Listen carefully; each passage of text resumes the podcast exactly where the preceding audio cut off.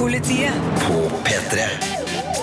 God fredag, det er Rune her. Trivelig at du har skrudd på NRK P3 denne herlige fredagsformiddagen. De kommende to timene så skal det handle om Golden Globe og hva du kan oppleve i kinomørket denne helga. Liam Neeson han er nemlig sint. Igjen i Taken 3 og kjemper på nytt for sin familie. Filmen I Origins forsøker seg på en litt annen vri på science fiction, og lykkes delvis. Timothy Spall vinner priser i drøss og spann for sin innsats i kunstbiografifilmen Mr. Turner, og i dag så begynner også denne filmen på kino da i hele Norge. Ukas fjerde premierefilm den heter Whiplash, og syns du trommer og jazz høres ut som en litt rar kombo i en film? Hold an noen få minutter, straks skal du få dommen. Filmpolitiet anmelder film. I want to be great. And you're not. Hvor langt kan en gå for å pushe et annet menneske til storhet?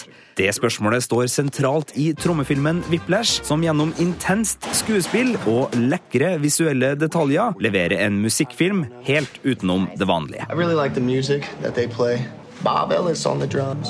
Andrew Neiman, spilt av Miles Teller, er 19 år og fersk trommestudent på jazzkonservatoriet Shafer. Der lever han et ganske typisk studentliv, småplaga av medelever og akkurat sjenert nok til å sjarmere jenta i den lokale kinokiosken. Men så fanger han oppmerksomheten til skolens beste og mest frykta dirigent, Terence Fletcher, spilt av JK Simmons, og dermed endrer tilværelsen kjapt både takt og tempo.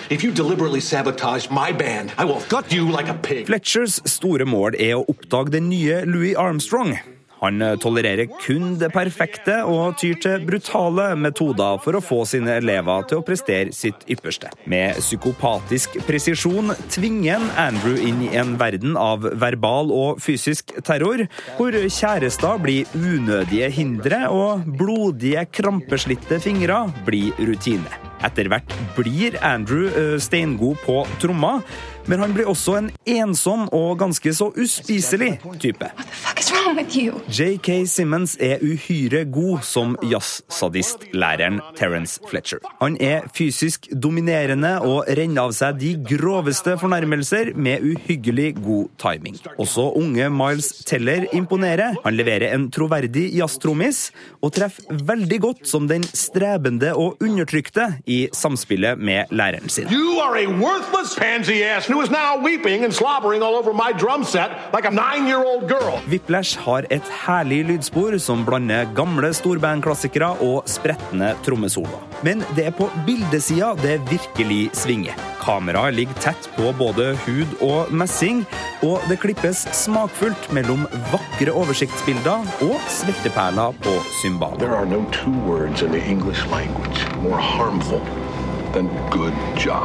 Regissør og manusforfatter Damien Chazelle gjør også et friskt valg med historia. Det er nemlig flere musikkdueller mellom de ulike skolene i filmen. Og der mange musikkfilmer, og for så vidt dansefilmer og idrettsfilmer, ville ha satsa tungt på denne dramatikken i tvekampene, så toner Whiplash ned det opplegget. Fokuset holdes hele tida på dynamikken mellom lærer og elev, og filmen tar oss med ut i egenkomponert terreng. Og det er forfriskende å sitte i kinomørket og ikke ane hvor ferden ender. Terningkast fem. P3. For snart et år siden så hadde filmen Whiplash premiere på Sundance-festivalen i USA. Nå, i dag, så har filmen norsk premiere på kinoer over hele landet. NRK møtte regissør Damien Chazelle på Sundance-festivalen, som kunne fortelle at han selv også er interessert i trommer. I was a drummer myself for a while, and I was in a few sort of jazz ensembles, and so I had a lot of kind of stories from that and memories from those experiences that I could draw from. Um, I've always been interested in this idea of how how does an artist make him or herself? How do you become artist? Uh, at what point are you sacrificing for your art? It's the sort of things that I kind of grapple with myself as a filmmaker, and so wanted to make a movie about them.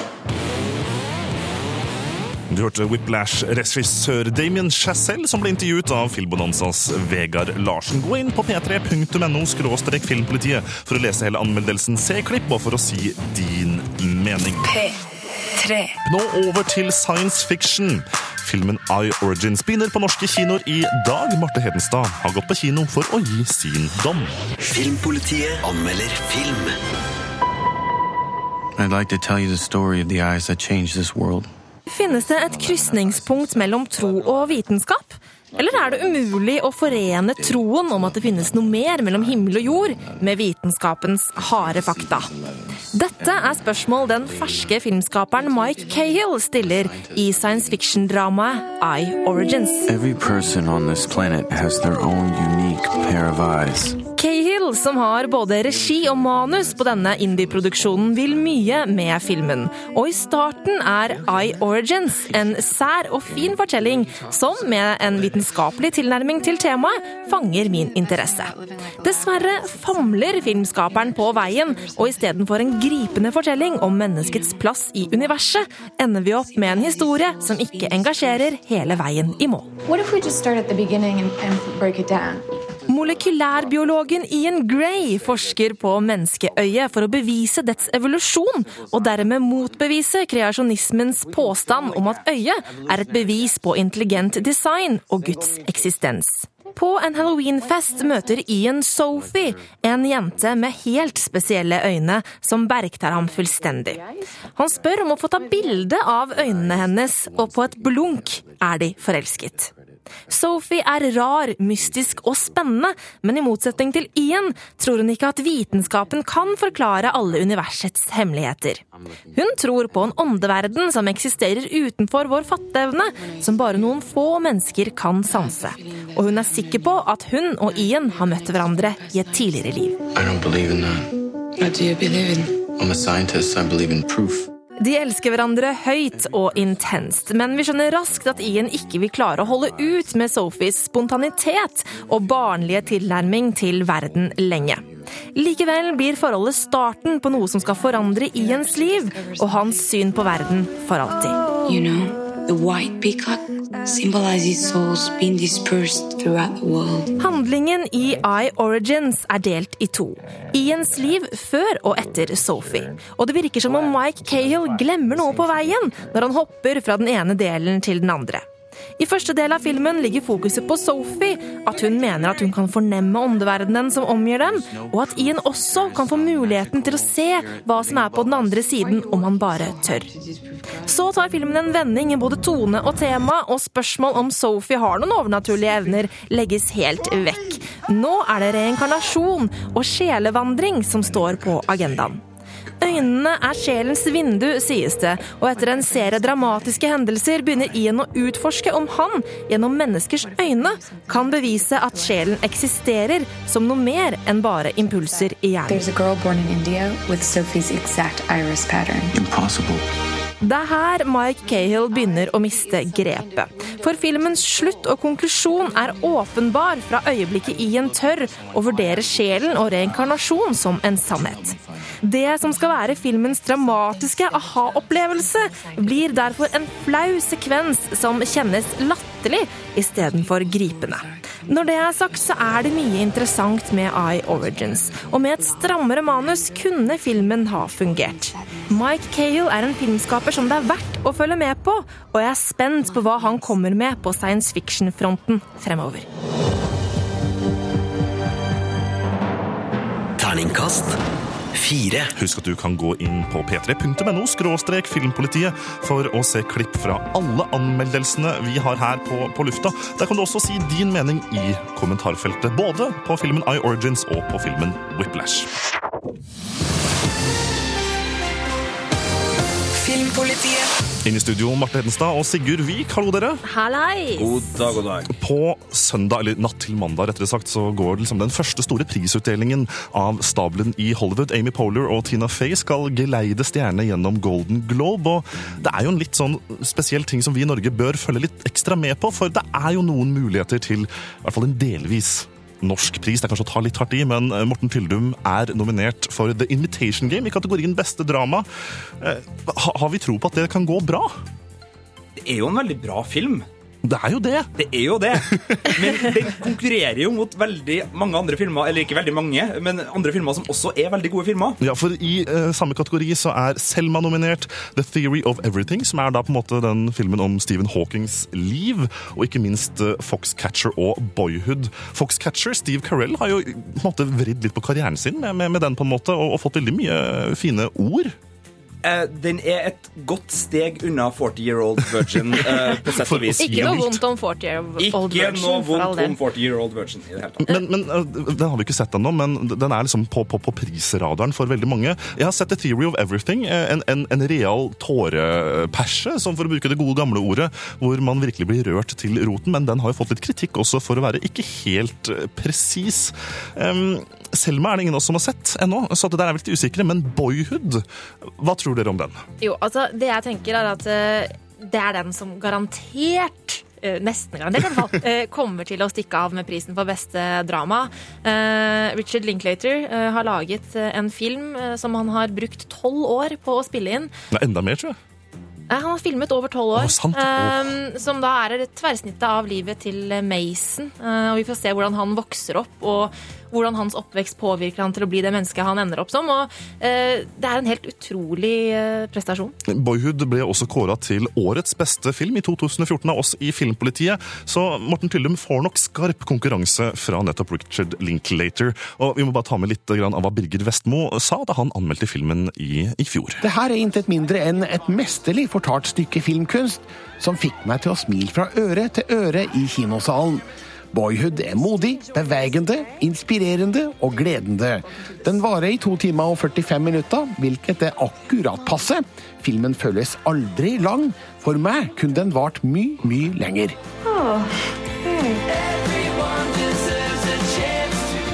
Åh, også musikken, da. Det er så fint. Sorry, Morten. Vi må nok si at vi, vår favoritt til årets Ja. Golden Globe for beste drama, det er Richard Linklaters Boyhood. Men et lite poeng er jo at eh, når det gjelder bøssen rundt det her Ja, de fleste er på Boyhood, men det er noen som Ja. gir Morten en outsidersjanse. Ja, det er altså. en del som putter uh, The Imitation Game på listen over filmer som kan Outsiderne. vinne. Det var altså våre spådommer i, eller vår spådom rett og slett, i kategorien beste dramafilm. Men på Golden Globe så er det sånn at det deles ut to priser til beste film. En for drama, en for beste musikal og komedie. I, i, I den kategorien så finner vi Into the Woods, Birdman, The Grand Budapest Hotel, St. Vincent og Pride. Pride er jo en litt sånn uvanlig film hvor eh, homser fra London reiser til en, en streikende gruveby for å vise sin støtte under Thatcher-perioden. Basert på en sann historie. Basert på en sann historie. Og det er noe som Hollywood liker godt, er det ikke det? Jo, Hollywood elsker jo fortellinger som er basert på en sann historie, og det her er en superkoselig, trivelig feel good-film eh, som er veldig bra. Det er et eh, kjempefint bilde på 80-tallet eh, i London, men jeg tror nok ikke at den kommer til å vinne. Det tror jeg ikke. Hva med The Grand Budapest Hotel? Wes Anderson, vi liker jo den filmen Mm. Veldig godt, alle sammen. Det gjør vi. Er det, er det mulighet, Sigurd? Altså, det var en personlig favoritt fra, fra fjoråret, absolutt. For det er, det er så særegent og så vakkert det Wes Anderson gjør eh, med ting foran kameraet sitt. Men det er klart, eh, den, den nevnes ikke som en av de store favorittene. Det gjør den ikke. Og det er jo en eh, film som skiller seg litt ut i så måte. Og da skal vi vel til en falmet stjerne, muligens, som har vært Batman. En som har vært Batman før, nemlig uh, Michael Keaton, som i Birdman igjen spiller en slags superhelt. Marte, du er den eneste som har sett filmen. Mm. Ja. Hva tenker du om dens vinnersjanser her? Vet du hva? Eh, Jeg tror at den kommer til å stikke av eh, med prisen for eh, beste musikal eller komedie. Fordi det er en veldig rar, men utrolig god film.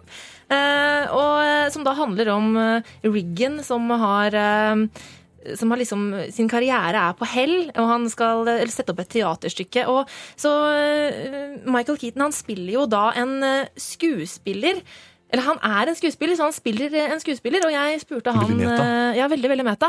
Og da jeg møtte han i London, så spurte jeg Mr. Keaton om uh, han brukte sitt liv som skuespiller mye uh, i filmen. Not as much as you think, oddly. It seems like you would, but I don't know why. I guess it's because because a lot of the talk in the movie about uh, about that particular thing or the business. I don't do that necessarily. I, it's not something I talk about or think about a lot. Um, so it was kind of like playing uh, a uh, Saab mechanic, you know, you know, or a dentist, or a kind of the same thing. You know, I, I know that sounds weird, but in, in a weird way, it kind of made it easier. Der hørte du altså Michael Keaton, som Marte Hedenstad møtte i London rett før jul. Filmen har premiere om noen få uker, og mer fra Michael Keaton skal du selvsagt få høre her i Filmpolitiet. Vi skal straks over til å snakke om noen av de andre kategoriene på Golden Globe, for det er også noen norske muligheter i en av de andre kategoriene.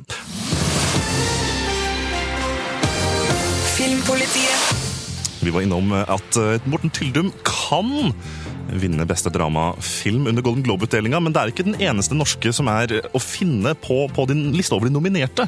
I kategorien for beste utenlandske film så syns jeg vi må ta en, en, liten titt og diskutere litt, for her er det da filmene Ida, uh, Get The Trial of Vivian Amsalem, Tangerines og Leviathan, den russiske filmen, uh, og, og også ikke minst da den Force Majeure, som egentlig vi kjenner under navnet Turist. Svenske Ruben Østlund har laget den, og det er jo en film som har gjort det stort blant amerikanske anmeldere. Litt overraskende nok, kanskje, Sigurd? Den er å finne på toppen av Vi spår Golden Globe-vinner, i hvert fall hos Variety, som er en av de mer ja, refererte mm. stedene. De har turist på toppen der, så den ligger absolutt da, i det vi kan kalle favorittsjiktet til beste utenlandske film. Altså, Den polske filmen 'Ida', filma i sort-hvitt, veldig liksom stilig og kunstnerisk laga, den er jo også en, en favoritt. Men, men, men jeg, jeg, må jo si at jeg, jeg, har jo sett 'Turist', og, og, jeg holder en knapp på den, for jeg syns både Kristoffer Hivju og, og, og uh, Loven Kongsli spiller altså helt supert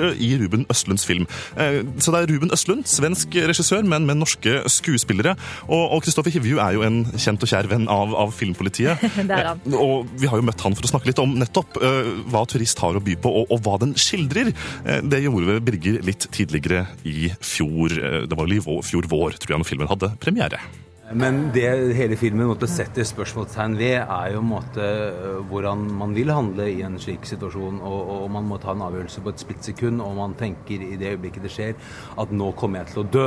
Eh, og, og, og, da kan du si at da skiller du klinten fra hveten. Eh, på den annen side kan du si at vi lever i en veldig sivilisert verden hvor menn har lært seg å bli fantastiske støvsugere og, og blitt gode fedre og og ja, i alle måter uh, myke, uh, ansvarsfulle menn. Uh, og, og, det er klart at da er våre forutsetninger for å kunne takle en ekstrem situasjon mindre enn hvis man hadde løpt rundt i skauen med et sverd halve livet. Så, ja, men det, det, er bare på jobb, det syns jeg var Men så, så det, er, det, er, det, er jo, det er jo et spørsmålstegn spørsmål, filmen stiller. ikke sant? Hva ville du gjort, og, og, og hvordan ville du handlet? Birger Vestmo snakket altså med Kristoffer Hivju, som spiller da birolle i filmen Turist, også kjent på engelsk som Force Majeure. Følte for å ta en liten sjung på den, jeg. Filmen forteller altså om hva vanlige mennesker gjør i en ekstrem situasjon. Eh, det er en kategori til vi har lyst til å ta, ta med her, for det gjelder nemlig filmmusikk. Og, vi i Filmpolitiet er jo veldig glad i filmmusikk. Mm. Marte, hvilke filmer eller komponister er det som er nominert i denne kategorien? Ja, altså Det er Alexandre Desplat for The Imitation Game. Uh, så det er en mulig pris der også til ja, ja, ja, ja, ja. Til og til Tyldum, men ja. og uh, Johan Johansen uh, for The Theory of Everything. Uh, Trent Reznor og, og, Atticus Ross for Gone Girl. Og så Antonio Sanchez for Birdman. Men vi har og, en favoritt, har vi ikke det? Vi har en favoritt. En veldig sterk favoritt. Og det er Hans Zimmer for Interstellar. For lydsporet på Interstellar er helt spesielt. Ved å bruke orgel så klarer Simmer å skape en hypnotisk stemning, både i de rolige og de intense partiene av musikken. Og under en av filmens mest nervepirrende scener, når Matthew McConaughey og Anne Hathaway sine rollefigurer prøver å dokke romskipet sitt på ja. den romstasjonen som spinner rundt, ut av kontroll, så er orgelet på sitt mest intense. Og det er så mektig.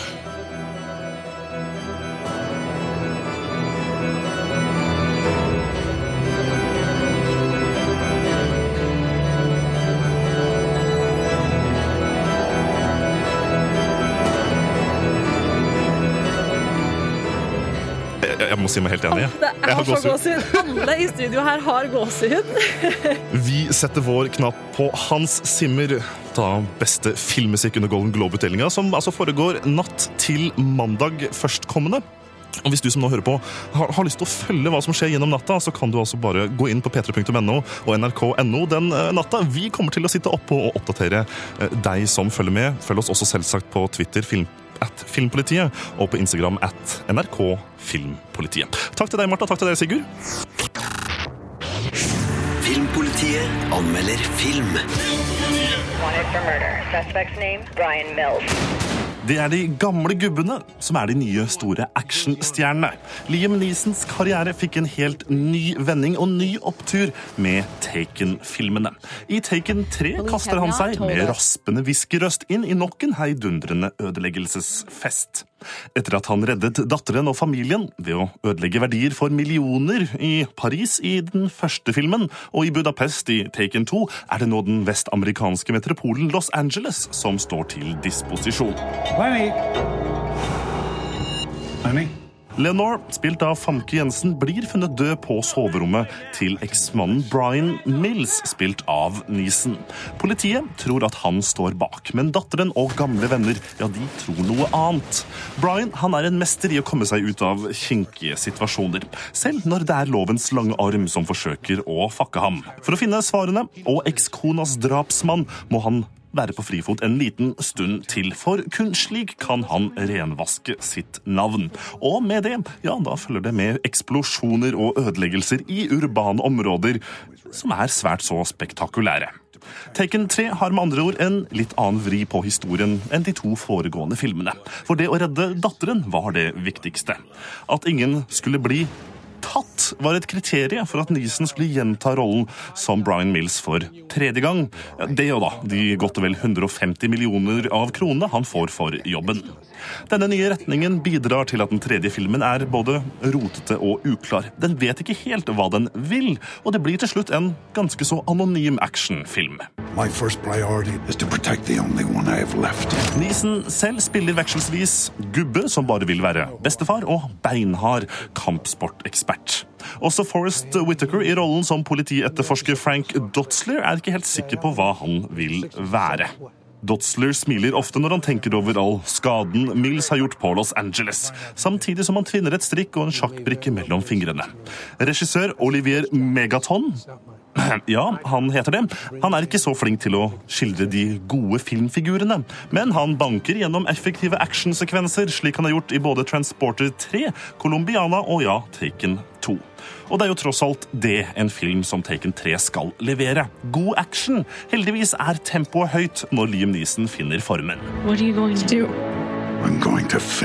Men som en siste film i en serie. En serie med tydelige kjennemerker, ja, da er Taken 3 en nedtur.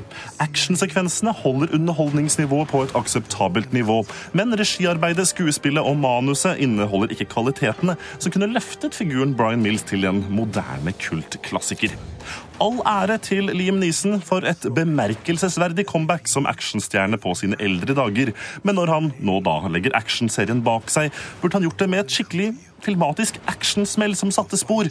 Ikke bare en film som ødelegger Los Angeles for millioner av dollar uten at det har noe som helst av betydning. Good luck.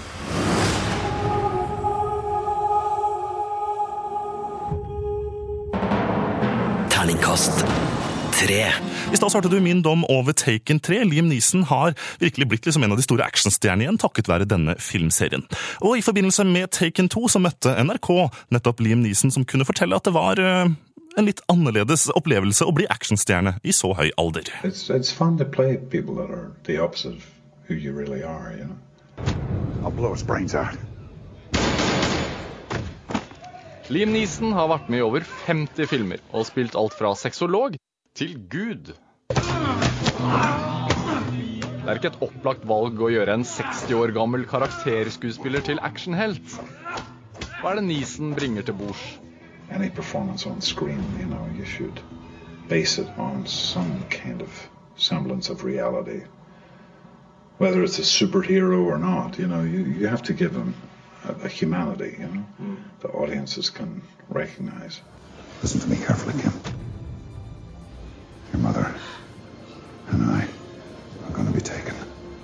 Den slagkraftige taleren og læremesteren kan med sin nye status som actionhelt glede seg over et nytt, yngre publikum.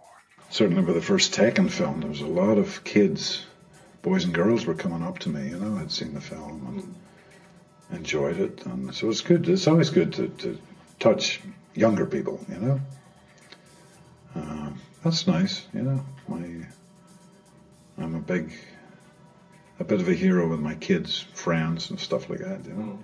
Du hørte altså Liam Neeson, som ble intervjuet av Filmbonanza-programleder Vegard Larsen. Taken 3 begynner på kinoer over hele landet i dag. Min dom kan du finne på p3.no. Der kan du se klipp fra filmen, og ikke minst si din mening. Filmpolitiet. I natt så annonserte HBO premieredatoen for den femte sesongen av den populære serien Game of Thrones. Den blir tilgjengelig 12. april på strømmetjenesten HBO Nordic og dagen etter på kanalen Seymour her i Norge. Forventningene til sesong fem er skyhøye, for å si det mildt. Serieskaperne DB Weiss og David Beinhoff baserer den femte sesongen på fjerde og femte bok av George R.R. Martins fantasy-epos A Song of Ice and Fire. I bokserien foregår handlingene i disse bøkene parallelt, der den fjerde, A Feast for Crows, tar for seg annet Cersei, Jamie, Brienne, Sansa, Arya og Greyjoy-familien, mens den femte boken A Dance with Dragons fokuserer mest på Jon Snow, Bran, Stannis, Daenerys og Tyrion. Alle vil med andre ord dukke opp i den femte sesongen av Game of Thrones, som da kommer 12. april. Filmpolitiet på P3. Fifty Shades of Grey slipper unna den strengeste aldersgrensen på kino i USA. Filmen blir rated R, altså nest høyeste aldersgrense, ikke NC-17. Motion Picture Association of America har altså gitt filmen ikke den høyeste. Det gir oss noen forventninger til hva slags type scener som blir med i filmen, som baserer seg på den svært og la meg understreke den svært populære boka med samme navn. Mer om begge disse sakene kan du lese på p3.no skråstrek filmpolitiet. Filmpolitiet anmelder film. My little lag could draw. I thought he could read and write. Is that who? Constable. Turner. Den britiske maleren Joseph Turner, født 1775, død 1851, utpensles på kinolerretet i regissør Mike Lees Mr. Turner. Timothy Spall spiller fantastisk i hovedrollen, og Dick Popes foto er like imponerende som tidskoloritten. Men historien er iblant litt vag. Vi får bruddstykker av Turners voksne liv, hans forhold til kvinner, familie og den intellektuelle kunsteliten som han var en del av. Det tegnes et bilde av en kompleks figur, drevet av trangen til å male. Om ikke alt kan forstås ved førstegangspåsyn, er det mye å beundre i denne filmens vakre bilder og flotte skuespill. You're still making your nice pictures, Mr. Turner. Make a fine subject for you to paint. Oh, is that so? I shall cogitate upon it. Kanskje er det en fordel med forhåndskunnskap om Turner for å ha fullt utbytte av filmen. Jeg føler det er flere referanser til hans kunst her som går meg hus forbi. Men det er en interessant figur. Turner har vanskelig for å uttrykke seg rent kroppslig. Han er en tett, værbitt mann som ofte grynter i stedet for å snakke.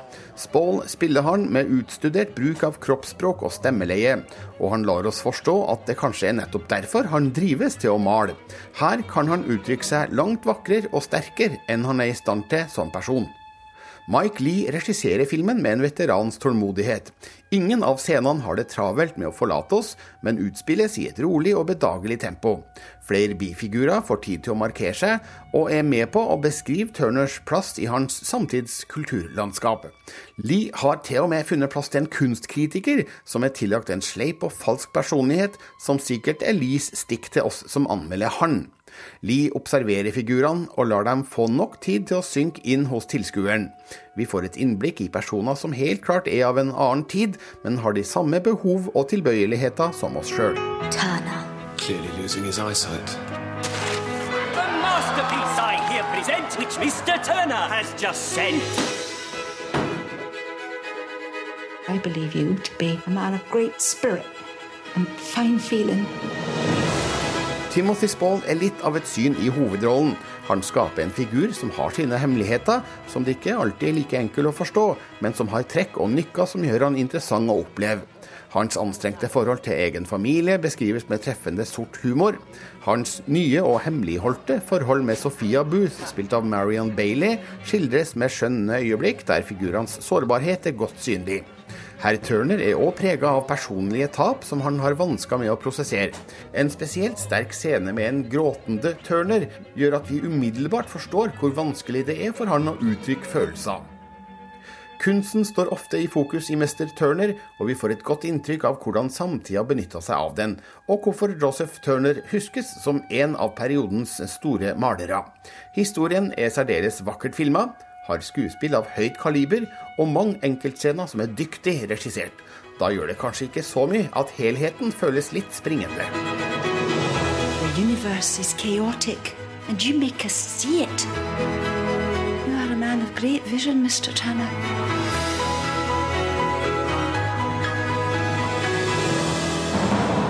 Terningkast fire. Hovedrolleinnehaver Timothy Spall høster priser i øst og vest nå som prisutdelingssesongen er i gang for sin rolle i Mr. Turner. Gå inn på p3.no skråstrek filmpolitiet for å se klipp fra filmen, og ja, for å si din mening. Nå på NRK P3, Madean og Kyan, You're On.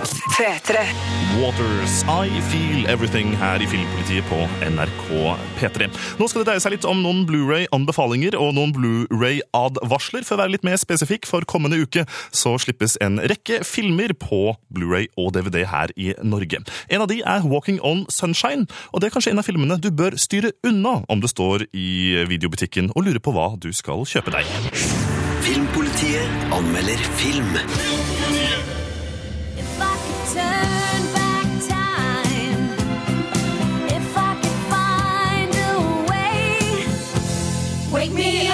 Intensjonen bak filmen Walking on Sunshine er åpenbar.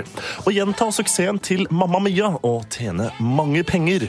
Det i seg selv er ikke noe negativt. ABBA-musikalfilmen det var en søt feelgood-film. Walking on Sunshine derimot er en halvannen time lang reiseselskap-reklame med skuespillere uten den nødvendige gnisten. Å se hovedpersonene danse rundt i den italienske byen Puglia, på flyplassen, på stranden, i gamlebyen og flere andre steder, er en lidelse. Filmproduksjon er for øvrig også støttet av Turistrådet i området. Ingen overraskelse, det heller. Maddie, spilt av Annabelle Cholet, har stormforelsket seg i en italiensk strandkjekkas og skal gifte seg etter altfor kort tid. Hun er litt sånn gæren når det gjelder menn, så derfor er det nemlig helt greit. I'm Taylor er søstera til Maddy og spilles av Hannah Arterton. Hun ankommer Puglia for å delta i festlighetene og bryllupet, men så viser det seg at Maddies kommende mann Raff, spilt av Gulio Berutti, også er Taylors gamle ferieflørt. Taylor og Raff elsket hverandre så mye at når Taylor ville gå på universitetet, i stedet for å bli en permanent strandboms med Raff, så kuttet de all kontakt. Mobiltelefoner og Facebook eksisterer ikke, og langdistanseforhold er tydeligvis helt utelukket i Walking on Sunshine. Og når Taylor forsøker å skjule at hun fortsatt elsker Raff, som da skal gifte seg med søsteren, ja, da blir det forviklinger. Å, herregud, det blir forviklinger. So fiance? Men så skjer det som ikke skal skje. Den manipulerende, sleipe ekskjæresten til Maddie kommer for å redde henne fra et bryllup hun selv ikke vet at hun ikke vil gå igjennom med. I'm here to rescue you from making the worst mistake of your life. Doug, spilt av Greg Wise, er en mannssjåvinist som har behandlet Maddie dårlig i flere år. Men så er han da så fordømt sjarmerende at Maddie likevel blir usikker på om hun bør gifte seg med den italienske strandkjekkasen hun møtte noen uker i forveien, og i stedet gå tilbake til den undertrykkende ekskjæresten. Nei, vet du hva, stopp dette. Jeg vil av 80-tallsmusikkarusellen. Solfylte og solariumsbrune dialogsekvenser og halvhjertede dansescener forsøker å løfte humøret, men en total mangel på kjemi mellom skuespillere gjør at ingen fremstår som troverdige. Kjærligheten? Nei, jeg tror ikke på det. Søsterskapet? Nei, jeg tror ikke på det. Men hva med vennegjengen som kommer på utdrikningslag i Puglia? Nei, jeg tror ikke på dem heller. Musikalnumrene? Nei, de er halvhjertet gjennomført med pinlige dansenumre foran Puglias mange turistattraksjoner. Gjør deg selv en tjeneste. I stedet for å kjøpe billetter til en lang reklamefilm for Ving, Apollo og Startur, altså jeg mener da filmen Walking on Sunshine, så kan du heller sette av pengene til en ekte ferietur. Walking on sunshine. Terningkast to. En klar advarsel fra meg til deg. Styr unna Walking on Sunshine. Straks skal du få en Blu-ray-anbefaling i stedet, for Luc Besson han har holdt på i mange mange år, men er fortsatt en av de mest effektive regissørene der ute. Hans actionfilm Lucy får du dommen over om noen få minutter. Aller først Susanne Sundfør. Dette er Fade Away i Filmpolitiet på NRK P3. Filmpolitiet anmelder film. It is estimated most human beings only use 10% of the brain's capacity. Imagine if we could access 100%. Regissør Luc Besson tar et steg tilbake med Lucy, og det er i riktig retning. Her nærmer han seg nemlig sine glansdager på 1990-tallet, da han bl.a. sto bak Nikita, Leon og Det femte element. I likhet med de her filmene har òg Lucy en kvinneskikkelse som kastes uskyldig ut i en voldsspiral og finner ny styrke. Besson regissere med høy energi, mens Scarlett Johansson overbeviser i overgangen fra rotløs kvinne til kald drapsmaskin.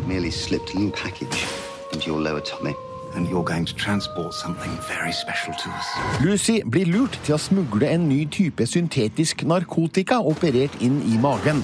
Men posen lekker, og den ekstreme overdosen har en uventa virkning. Lucy får gradvis brukt mer og mer av hjernekapasiteten sin, med eksepsjonelle resultater, men må få tak i resten av narkopartiet for å ha en sjanse til å overleve, og får hjelp av en fransk politimann, spilt av Amer Waked, og den amerikanske hjerneforskeren Norman, spilt av Morgan Freeman. What happens when she reaches 100%? I have no idea. Scarlett Johansens hovedrolle har en stor spennvidde. Lucy starter som et uorganisert rotehode uten styring, men utvikler seg til å bli en kald og kalkulert superintelligens som kan kontrollere alt, både fysisk og psykisk. Johansen spiller godt og kontrollert, og tilfører filmen det rette alvorspreget, sjøl når historien strengt tatt tipper over i det absurde. I så access to 28% of my cerebral capacity. I can feel every living regisserer sitt eget manus med den samme rå nerven som prega hans tidlige filmer. Begivenhetene skildres med friske filmatiske virkemidler, der Lucys evner gir stadig tøffere utslag. Nå skal det òg sies at jeg liker filmens første del best, der Lucy er mest menneskelig. Mot slutten av filmen ligner hun mest et sci-fi-vesen som det ikke er like enkelt å forholde seg til. like. Lucy er en god film for gamle Besson-fans. Den er ikke i nærheten av å være så god som før nevnte Nikita Leon eller Det femte element, men inneholder flere av kvalitetene som han var kjent for, som sterke kvinneskikkelser og voldsomme actionsekvenser. Og Scarlett Johansson er ei minst like tøff Besson-dame som Anne Parillot og Mila Jovovich.